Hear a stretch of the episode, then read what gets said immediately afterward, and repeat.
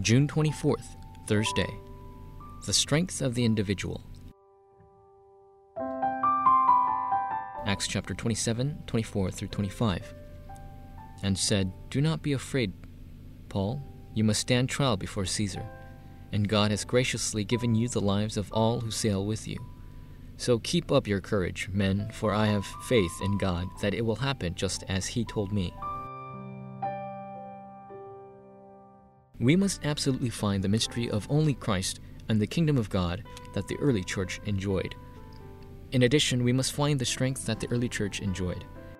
Therefore, the works that arose in the early church must be fulfilled in the same way for ourselves and our churches. If we think and pray about evangelism even once a day, rightful answers will begin. If that is the case, how must we begin? Number one, the individual.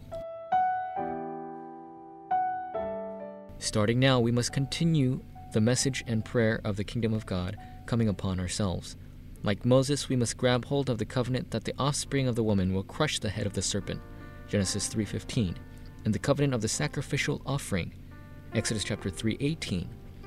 In addition, grabbing hold of the covenant that Jesus is the Christ, Matthew 16:16. We must pray for God's kingdom to come upon that place. Joseph and David grabbed hold of the covenant that God was with them. The kingdom of God was established to the point that a slave became the governor of Egypt, and a shepherd boy did not lose even one lamb, and demolish Goliath with one throw of a stone.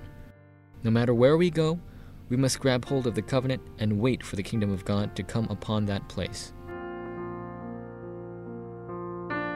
Number two, my field. The kingdom of God must come upon the field I am in. My studies and businesses are encompassed inside of this. Isaac, who was inside this blessing, gained a hundredfold the fruit of the harvest in just one year, and gained the source of the fountain. Through the early church elder Gaius, God's kingdom was established. If we enjoy the kingdom of God on a regular basis, we will receive the answers of prosperity in all work. Number three, culture.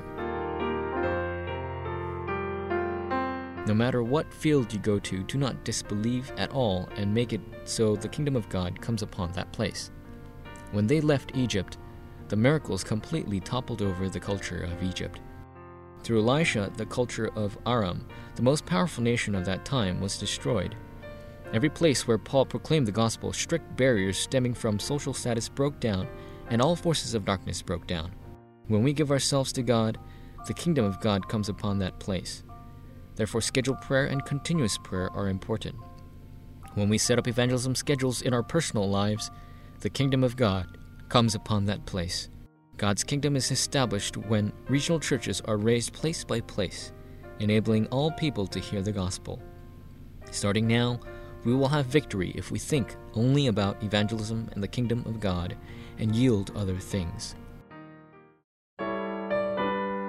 Forum topic Start scheduled prayer and continuous prayer so that the kingdom of God comes upon me, my field, family, academics, and work.